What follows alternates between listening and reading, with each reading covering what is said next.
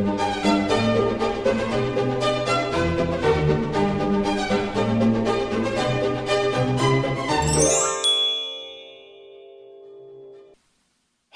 och välkomna till Kungligt med Jenny Alexandersson. och Sara Eriksson. Och i dagens avsnitt har vi mycket att avhandla. Vi ska diskutera en hemlig kunglig flytt mitt i coronakrisen. Vi konstaterar att världen har fått en helt ny prins. Brittiska prins Andrew är i blåsväder igen. Det är han väl alltid. Ja, Thailands kung gömmer sig på ett lyxhotell i Tyskland. Och Spaniens ex-kung misstänks för mutbrott. Allt det här ska vi prata om i ja, dagens en avsnitt. hel del att eh, gå igenom den här veckan och vi fortsätter ju att spela in Kungligt på distans. Och eh, det Och går det bra. därf- ja, det går bra, men det är därför ljudet ibland kan vara lite burkigt, ifall ni undrar. Hoppas ni har överseende med det. Glöm inte att prenumerera på vår podcast genom att trycka på prenumerera-knappen. Då missar du inga avsnitt. Och Kungligt släpps varje fredag. Det stämmer. Och eh, den här veckan så ska vi börja med två stycken väldigt härliga och eh, glädjande nyheter. I veckan så fyllde ju prins Carl Philip 41 år och eh, hovet de publicerade ett foto av prinsen som prinsessan Sofia tagit utanför deras hem på Villa Solbacken. Så att hipp hurra för prins Carl Philip får vi väl lov att börja med. Ja, men grattis! Firandet blir ju säkert väldigt annorlunda i år jämfört med andra år. Men eh, det kan man ju ta igen Mm. Det blir nästa ingen födelsedag. härlig maskerad på Kungliga slottet. Nej, Nej. det hade han ju när han fyllde 40. Ja, Precis. Men eh, det var väl tur att det inte var när han fyllde jämnt då, kan man ju tänka. precis. Mm. I- Luxemburg. Ja, där har vi fått en helt ny prins ju. Ja, superhärligt. Det är storhertiginnan, eller arvstorhertiginnan Stefania av Luxemburg som har fått en son tillsammans med sin man, arvstorhertig Guillaume. Och den här lille prinsen han föddes den 10 maj klockan 05.13. Han var 50 centimeter lång och vägde 3190 gram. Och han har fått eh, flera namn. Han kommer vara prins Charles, Jean, Philippe, Joseph, Marie, Guillaume. Snyggt uttalat Jenny. Och prinsen han är då nummer två i tronföljden efter Ja. sin pappa Guillaume, arvstorhertigen av Luxemburg. Och i år fick vi faktiskt eh, se hur de lämnade sjukhuset med eh, ansiktsmasker och, eh, och så vidare. Och det, de såg ju väldigt lyckliga ut.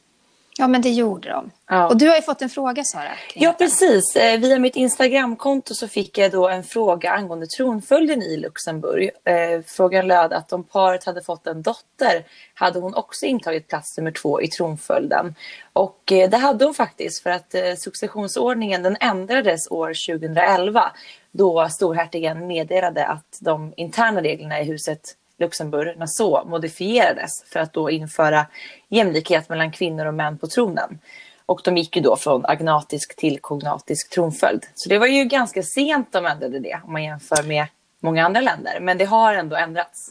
Ja, ett land som genomf- genomförde den här ändringen ganska tidigt, eh, det var ju Danmark. Mm. De gjorde det redan 1953. Och då var ju kung Fredrik och drottning Ingrid föräldrar till tre döttrar. Ja.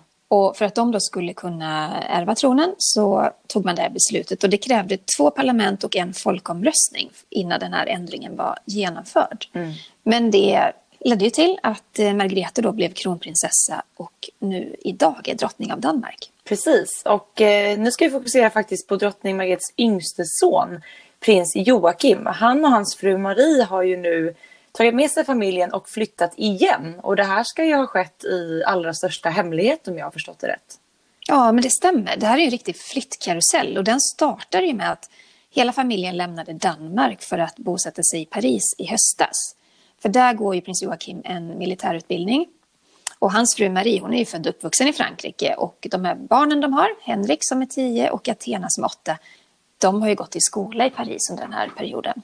Ja, men i slutet av mars så valde ju då familjen att flytta tillbaka till Danmark på grund av den rådande coronapandemin. Och det var ju då framförallt för att deras son då, Henrik, han är, utgör faktiskt en riskgrupp på grund av att han har en väldigt svår astma.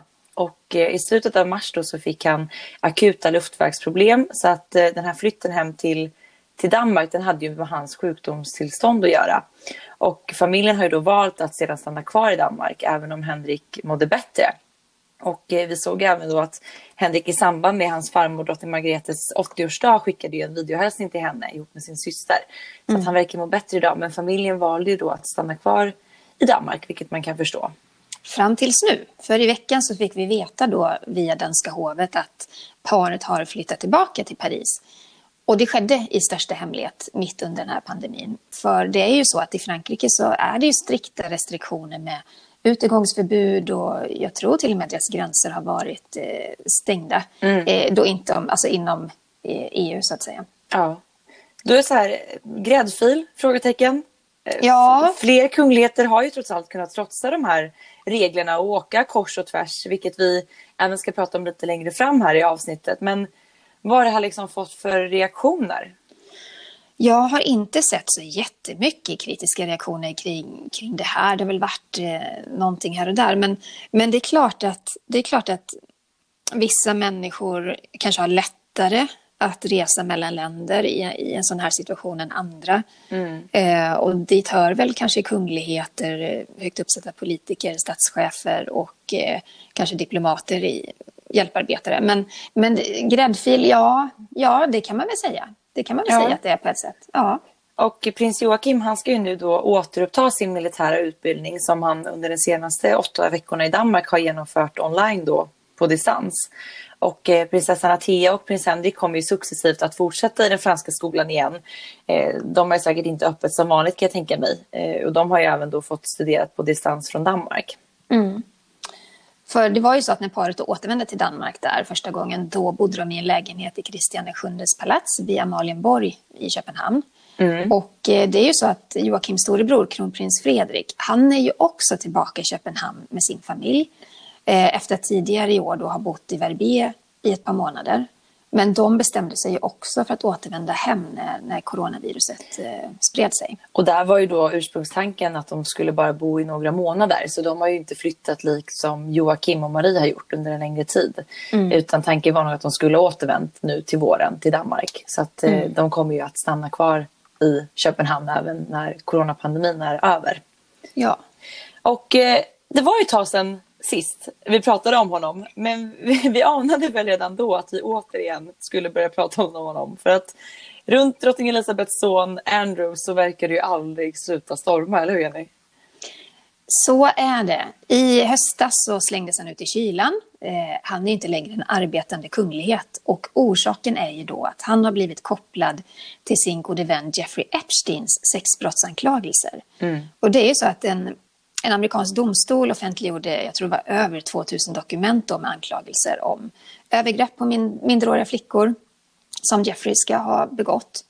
Och eh, han riskerade ju otroligt många år i fängelse. Ja. Eh, och han satt ju i häkte. Men jag tror att det hela slutade med att han valde att ta sitt liv i häktningscellen. Ja, och det här har vi pratat om i väldigt mycket i tidigare avsnitt så det går ju faktiskt att hitta i arkivet om man bläddrar bland våra poddar så har vi ett eh, avsnitt där vi bara pratar om hela den här Andrew-skandalen.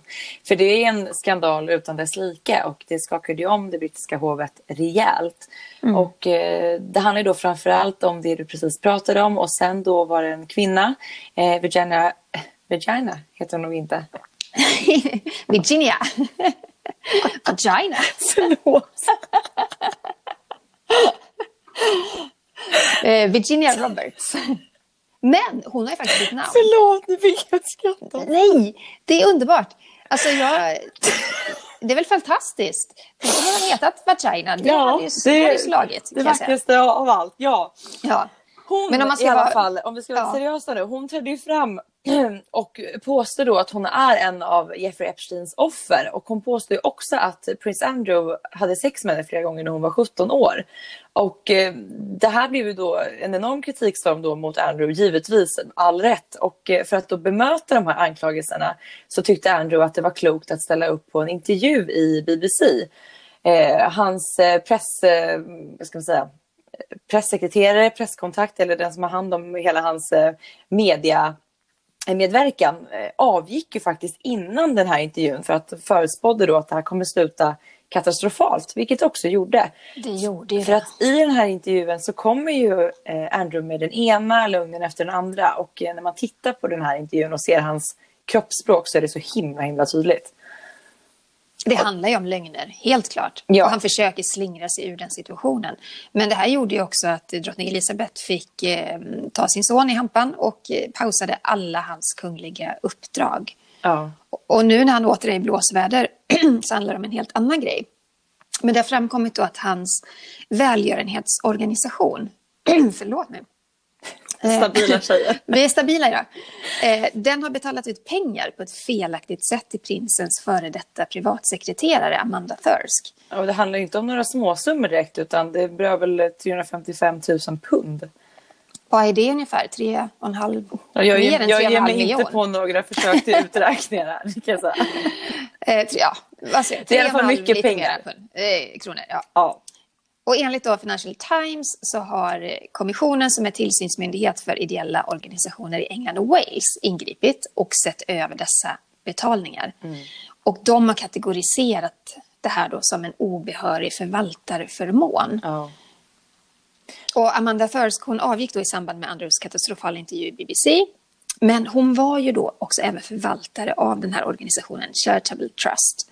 Och hon var även chef för det vinstdrivande företaget Pitchet Palace. Ja, och det var ju då i samband med den här välgörenhetsorganisationens årsrapport som kommissionen fick syn och liksom iakttog de här utbetalningarna. Och då i rollen som förvaltare så får ju Amanda då inte ta emot någon lön för sin tjänst. Och eh, de här pengarna då, de ska nu ha betalats tillbaka av prins Andrew. Och eh, Amanda själv, hon misstänks ju inte för några brott. Nej, det känns ju som att hon blir lite skyddad här också av, av prinsen. Ja. Eh, att han tar på sig ansvaret för det här.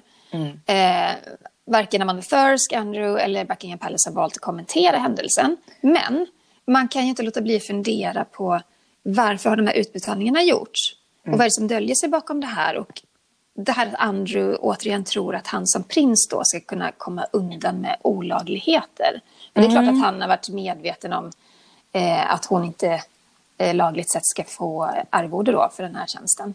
Och man undrar ju, man kan inte låta bli att undra vad hon sitter inne på för information som gör att han hela tiden då har valt att skydda henne heller.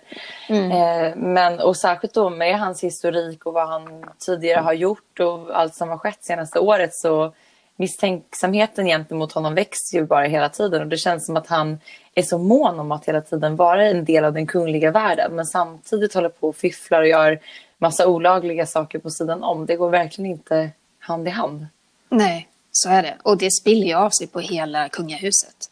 Jag tror Såklart. att eh, Elisabeth är ganska trött på sin sons beteende. Det tror jag också. Ja. En annan kunglighet som det blåser väldigt, väldigt mycket kring också, det är ju Thailands kung. Eller hur Jenny? Ja, eh, han med det härliga namnet. Eh, Det jättelånga namnet. kung Maha Vajiralongkorn. Yes. Jag hoppas jag säger rätt. Du har bra uttal på alla namn. Nej, det är kanske inte de som experter skulle säga, men vi försöker. Men kungen han har ju under den här rådande coronapandemin bott på Grand Hotel i Sonnenbichel, det ligger söder om München. Ja. Och där har han ju bott då med 20 av sina, vad ska man kalla det? Ja. Älskarinnor, haremsdamer, alltså 20 kvinnor som då tillhör honom. Och eh, det har ju inte undgått någon, speciellt inte tyskarna.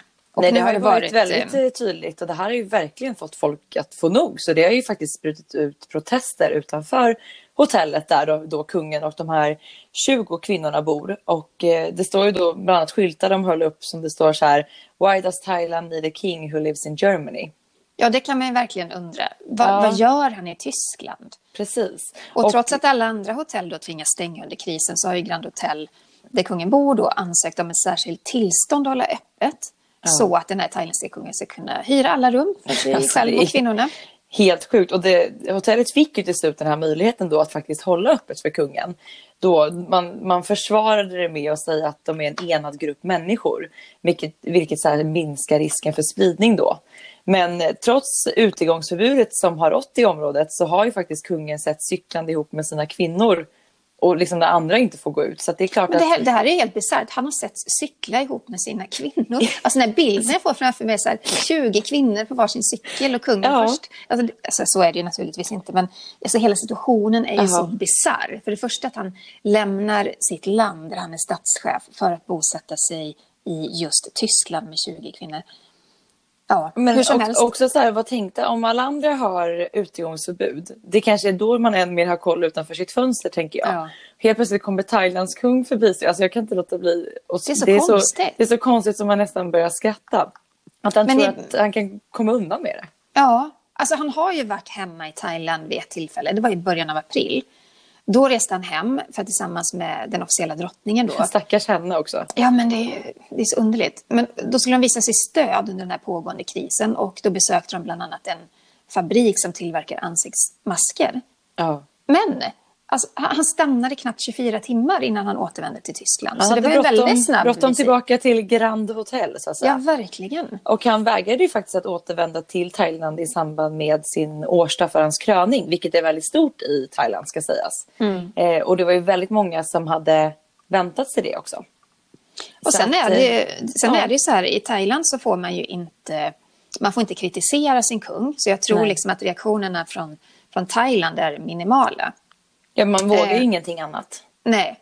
Och eh, jag tycker ändå att man måste kunna lyfta en sån här sak. Nu, det, det går ju inte att jämföra liksom med, med hur liksom situationen är i Thailand och hur man liksom ser på, på sin kung och så, hur vi ser på våran kung. Nej, Men det är en sjukt bisarr situation. ja, det är, alltså, det är jättekonstigt.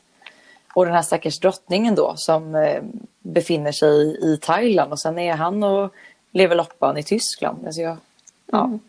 Men som sagt, anledningen till att det inte händer så mycket kring det är väl för att ingen vågar och kan kritisera det hela. Att, Mm. Och de som vågar, de får långa fängelsestraff och eh, ja, det är fruktansvärt. ja, usch. Det är Usch. konstigt. Det är konstigt. Men i, vi ska nu till Belgien. För där är det en prinsessa som har insjuknat i corona. Det stämmer. Och det är ju prinsessan Claire. Hon är ju gift med prins Laurent av Belgien. Eh, och han har faktiskt gått ut och bekräftat att hans fru, som är 46 år gammal, har fått covid-19. Och det hemska i det här är att eh, prinsessan Claire, hon har ju sedan tidigare ett nedsatt immunförsvar på grund av en underliggande sjukdom. Så att det är mycket allvarligare för henne att drabbas. Ja. Och eh, prins Laurent själv, han insjuknade i en väldigt allvarlig lunginflammation 2014 och fick då ligga i koma. Och han ser ju såklart väldigt allvarligt på hela den här situationen och eh, berättar i tv att familjen nu bara går ut för att träna och eh, när de lämnar sitt hem så bär de ju masker och handskar. Ja, det är hemskt. Och han ställde upp på en intervju och pratade om detta.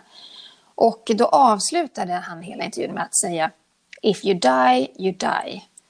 Ja, du vet, det går ju rätt in i hjärtat. Det är verkligen Ja. hemskt. Man får verkligen hoppas att eh, prinsessan kryar på sig, att hon blir helt frisk från det här hemska viruset och att ingen ska die, helt enkelt. Nej, den, den, här, den här hemska pandemin den drabbar oss alla såväl i koja som slott. Och eh, Mm.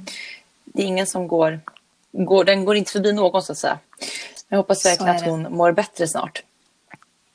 Vi har fler kungligheter som ständigt hamnar i blåsväder. Vi kastas lite mellan ämnen idag men det är för att vi har så himla många olika saker att lyfta. Och eh, nu så ska vi till Spanien där ex-kungen Jean Carlos misstänks för mutbrott och inblandning i en korruptionshärva.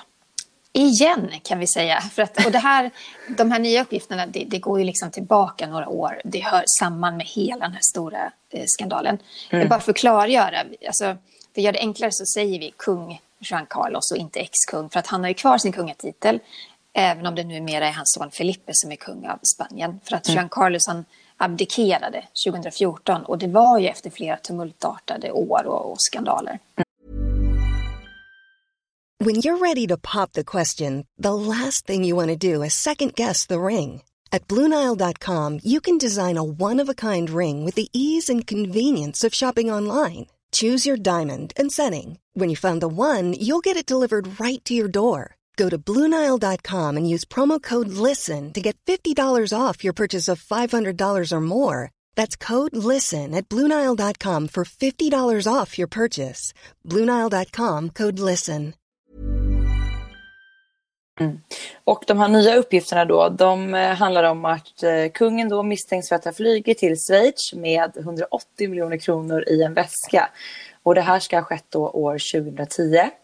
Och de här pengarna de ska ha överlämnats till eh, kungens revisor. eh, Arturo Fasana som haft i uppdrag att hantera kungens då schweiziska bankkonton.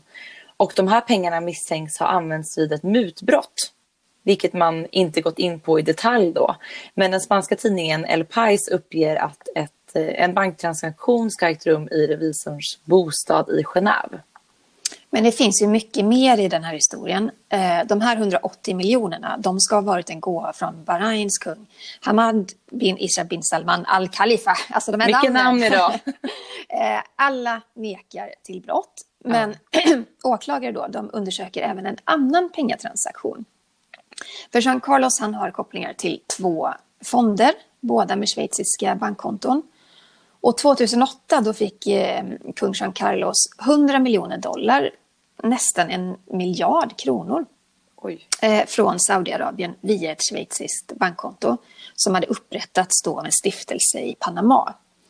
Och dessutom så visade det sig att kung Felipe, alltså Jean Carlos son, han står då som förmånstagare av pengarna. Och det är enligt den brittiska tidningen Daily Telegraph. Och den schweiziska tidningen Tribune de Genève, de har rapporterat att Jean Carlos 2012 gav 65 miljoner dollar av den här summan, 100 miljoner dollar, till sin före detta älskarinna Corinna Sysain Wittgenstein. Bra. Vilken gåva! Vilken gåva. Ja. Det var inga småsummor där inte. Nej. Och eh, Jean Carlos har ju länge haft väldigt nära band till det saudiska kungahuset. Och eh, det här är ju en relation som faktiskt har hjälpt Spanien att sluta sådana här feta kontrakt med det oljerika kungadömet och uppenbarligen gjort honom själv till en mycket förmögen person eh, med tanke på att man då kan betala 65 miljoner dollar till sin älskarinna. Och eh, 2018 så träffade han eh, den saudiska kronprinsen och fastnade faktiskt på bild med honom då. Och det här gjorde ju att många spanjorer blev rasande. Alltså om jag minns rätt så tror jag att den bilden togs under ett Formel 1-lopp i... Eh, Eh, ja, kan det varit i eh, Förenade Arabemiraten kanske? Ja, Eh, just att och de det- var då vänner och hade någon form Ja, av eh, men det, ja, vänskapsrelation. för det är inte så liksom att de bara stöter på varandra hej hej och någon tar en bild utan det är liksom planerat för den bilden lades ju upp också tror jag av eh, saudiska myndigheter på något vis så att det blev Ja. synligt för hela världen. Men allt det här ledde fram då till att Spaniens nuvarande kung Felipe tvingades gå ut och avsäga sig allt framtida arv från sin far. Och det är ett försök att distansera sig från skandalerna. Och i ett uttalande från hovet så klargjorde kungen då att han aldrig vetat om att det var tänkt att han skulle ärva de här pengarna från de här fonderna. Och att han inte kommer att ta emot dem. Och nu har ju faktiskt kung Felipe även dragit in den här årliga ersättningen på motsvarande 2 miljoner kronor som då hans far eh, Jean Carlos har fått ta del av varje år. Och med tanke på hans eh, affärer så kanske inte de behövs tänker jag. Jag tänker också det. Han har nog pengar så att det räcker och blir över. Verkligen. Ja, men eh, Jean Carlos han har ju skapat skandaler tidigare och varit en källa till stora rubriker i många år. Och det här är ju lite sorgligt eftersom Jean Carlos var liksom en oerhört populär och älskad kung från början, eller hur? Mm. Ja, men det var han. Han blev ju kung 1975 och det var ju bara två dagar efter att diktatorn Francisco Franco dog. Och han eh, ledde landet från diktatur till demokrati. Det gjorde honom jättepopulär. Han var en av Europas mest populära regenter i, i den tiden. Ja. Och han blev ju ännu mer uppskattad när han lyckades stoppa en militärkupp 1981. Ja. Men det har ju det här har ju ändrats ganska snabbt med åren. För att det, det har varit så mycket skandaler. Jag tänker också på att kungens svärson Iñaki Urdangarin, han var ju gift med prinsessan Kristina. Han är ju dömd för korruption och skattebrott. Och Kristina, dottern då, hon misstänktes ju för medhjälp till skatteflykt flykt och penningtvätt. Och allt det här var ju, det, det handlade ju om att Iñaki och hans kompanjon då, Diego Torres, överförde ungefär 60 statliga miljoner från välgörenhetsorganisationen Instituto NOS till olika skatteparadis. Och det är ju inga små summor. Det är skattebetalarnas pengar. Ja. Och de här pengarna de ska ju gått då till att betala parkeringsböter, lyxiga resor, födelsedagskalas för, för de kungliga barnen. Och det här spillde ju såklart över på kung Juan Carlos. ja. Och det har varit liksom så här saker lite hela tiden. Jag tänker också på då våren 2012 när det avslöjades att eh, kungen hade varit på elefantjakt i Botswana tillsammans med sin älskarinna. Och då Märk väl hon som fick 65 miljoner exakt. dollar. för det första, att jaga elefanter det är inte okej. Överhuvudtaget. Och för det andra, mm. han reser dit med sin älskarinna. Det var liksom, tänk dig förnedringen för drottning Sofia. Och för det tredje, han har en förmögenhet på att åka på elefantjakt mitt under den djupa ekonomiska krisen som Spanien då faktiskt genomled. Så det var liksom tre stora big no-no på det mm. som hände.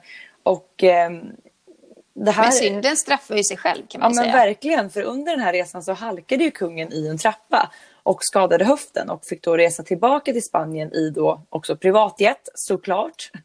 Mm. eh, och det här var ju liksom så också spanjorerna fick vetskap om den här resan i och med att han lyckades skada sig på kuppen. Och det här fick, alltså spanjorerna de blev rasande och kungen han tvingades ju be om ursäkt i tv till och med, vilket är väldigt unikt får man väl säga. Mm. Och han bad om ursäkt och lovade att aldrig göra om en sådan dumhet. Men eh, frågan var ju då vad som pågick samtidigt han sa så med tanke på vad ja. vi ser idag.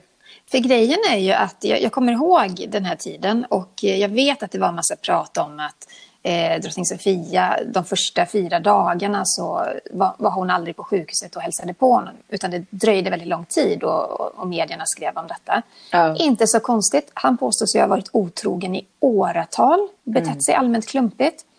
Och det skrevs ju en bok, eh, Drottningens ensamhet av Pilar Air Eh, där det då berättas att Juan Carlos, han är en professionell förförare. Kul att vara eh, gift med en eh, sådan. Ja, och hon hävdar att kungaparet har haft skilda sovrum ända sedan 1976. Puh.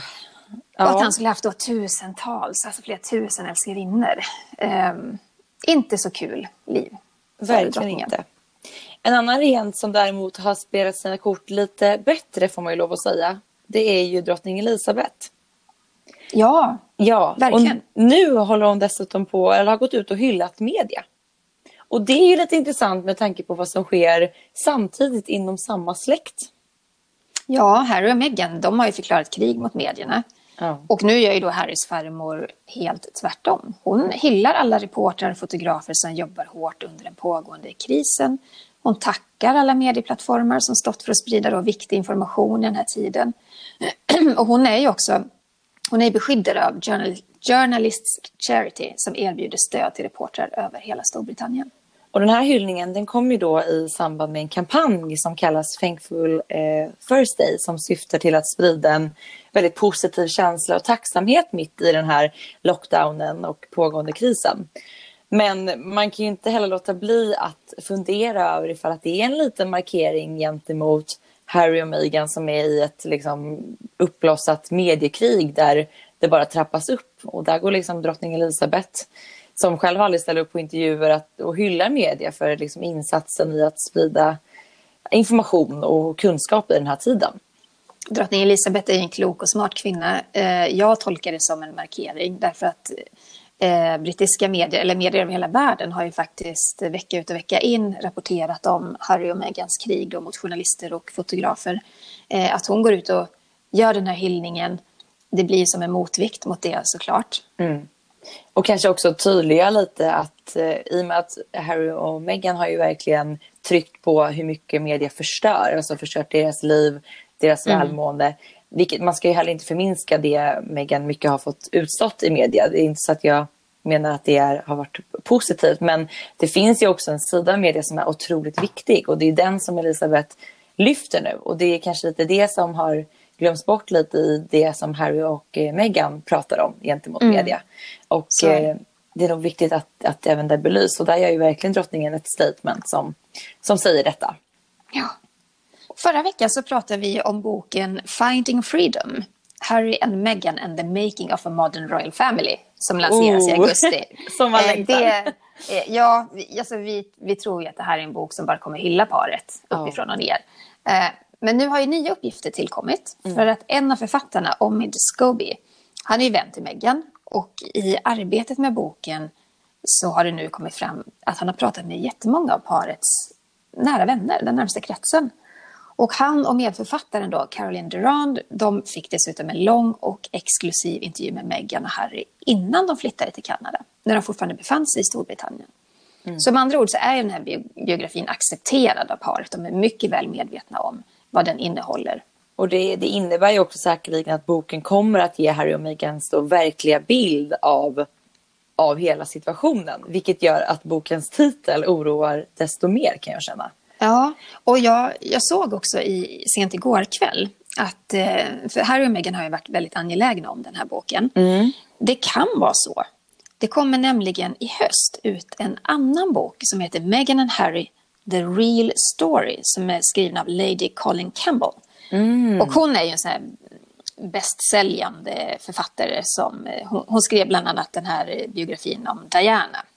Just det. Eh, så, och hon, eh, hon räds ju inte någonting. Och jag tror att den boken skrämmer Harry och Meghan lite grann. För att mm. det kan ju framkomma saker där som är inte så... Alltså det kan vara kritiska gentemot paret och deras handlande. Mm. Så jag tänker att det kanske är därför Harry och Meghan är så jätteangelägna om Omid Scobys bok som då kommer i augusti. Också att de kanske vill få ut den så snart som möjligt tänker jag. Så att det verkligen blir att en det är den motpol. som gäller. Liksom. Ja. ja.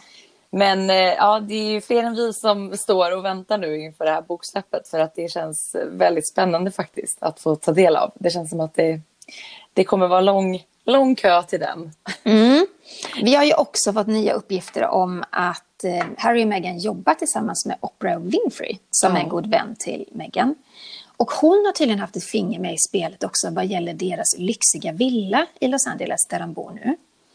Det huset har de nämligen fått låna av Tyler Perry. Han är ju en gigant inom filmvärlden och producerar filmer, regisserar filmer, eh, är skådespelare själv också. Han sägs ha varit eh, tidigare en av de bäst betalda ja. inom filmvärlden. Nu... Han är också god vän då med Oprah. Exakt. Och nu pratas det ju då om att Harry och Meghans liv ska bli en tv-film. Och det är exakt det här som det faktiskt spekulerades kring när de valde att tacka för sig från den brittiska kungafamiljen. Just om vi skulle se tv-produktion kring det här. Och eh, det är då produktionsbolaget Lifetime som gör en filmatisering av parets exit från kungahuset.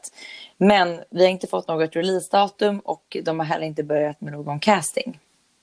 Här tror jag faktiskt inte att Harry och Meghan har något finger med i spelet. Jag tror att för Lifetime, de har ju tidigare gjort två tv-filmer om Harry och Meghan. Mm. Eh, den första hette Harry och Meghan A Royal Romance och den andra hette Harry och Meghan Becoming Royal. Så den det måste tror jag inte... bara säga att den castingen var faktiskt väldigt bra för jag tycker att de skådisarna är väldigt lika i, ja, i både utseendet och sen har de verkligen hittat en, jag kommer inte ihåg vad han heter som spelar Harry, men han har liksom fått med sig hela det här kroppsspråket. Mm. Väldigt Men jag tror, att, eh, jag tror liksom att man ska ta de tv-filmerna med en nypa salt. De är ju dramatiserade och mm. jag, tror, jag tror verkligen inte att Harry och Meghan har varit så intresserade av att eh, ha någon del Nej. i det på något sätt. Och det är ju alltid lite udda att göra film och tv av människor som fortfarande lever. Det är ju lite som vi ser liksom i The Crown där allt nu liksom börjar närma sig nutid. Mm. Och jag menar, det har ju, drottning Elizabeth har ju varit med i den tv-serien från start och jag menar hon lever ju och kan liksom ta del av någonting som handlar om henne själv. Det måste vara en väldigt konstig väldigt situation. Speciellt. För det är kanske är därför som The Crown också nu eh, slutar sin serie.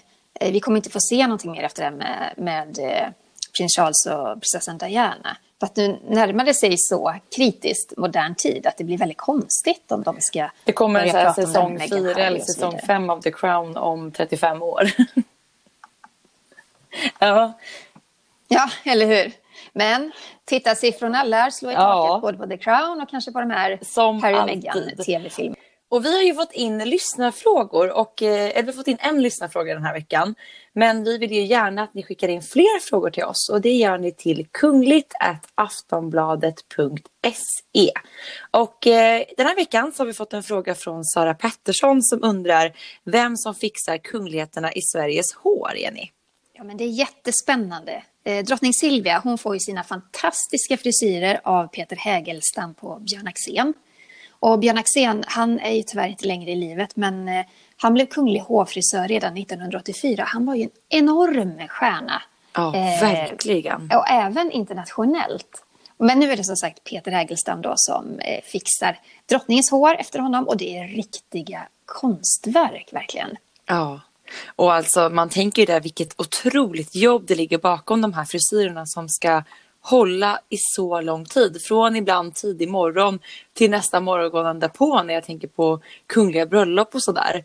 Och att dessutom de här praktpjäserna liksom ska sitta på plats. Ja, det är helt otroligt. En del är lite tyngre, en del är lite mer oformliga. Så det är inte heller jättebekvämt att ha de här Nej, och sen också sig. att de är så himla sköra att arbeta med. Det har ju han, Peter Hägerstam själv berättat i intervjuer att håret får inte sprayas när man har satt dit den här praktpjäsen och eh, det måste ju verkligen sitta fast så att inte diademet flyger ner i soppskålen. Liksom. Det får ju inte hända.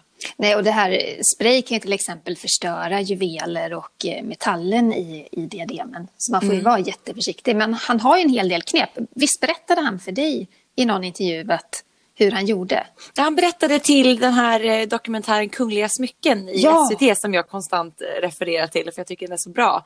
Just att eh, i början så fäster man ju diademet liksom med hjälp av bara håret som små, ska man förklara, knutar små eller liksom, ugglor. tv- tvinnade hårtestar Ja. som de liksom satte i hela Så att huvudet. allting, liksom, själva diademet bands fast med det egna håret. Men det gjorde ju väldigt ont. Det vet man ju själv om man har haft liksom, en stram hästsvans någon gång. Att det är lätt att bli öm i hårsäckarna. Man kan ju nästan få som migrän av det. Ja, och tänk att gå en hel kväll Ja. liksom, med så här hårt tvinnat hår. Ja, under och liksom rakryggad och sen det där håret. Nej, det kan inte vara så skönt. Men då, Nej. jag tror att antingen var det Peter själv eller om det var Björn Axén. Jag minns inte. Men de kom på att man kunde virka som en rad och sen fäste man, fäste man själva virkade delen längs med kanten så att den kunde vara, dels blir det ju mjukare mot huvudet och sen kan man då fästa diademet i den och sen med nålar i håret. Och det förklarade ju då drottning Silvia att det var en oerhört lättnad för att hon hade ju burit då det här brasilianska kröningsdiademet vid ett tillfälle och nästan känt, eller om det var drottning Sofias diadem förresten, och känt nästan att hon var på att svimma just för att det tryckte så enormt i huvudet. Men eh, Björn Axén är ju då kungliga hovleverantörer, men kungligheterna Mm. har varit lite otrogna.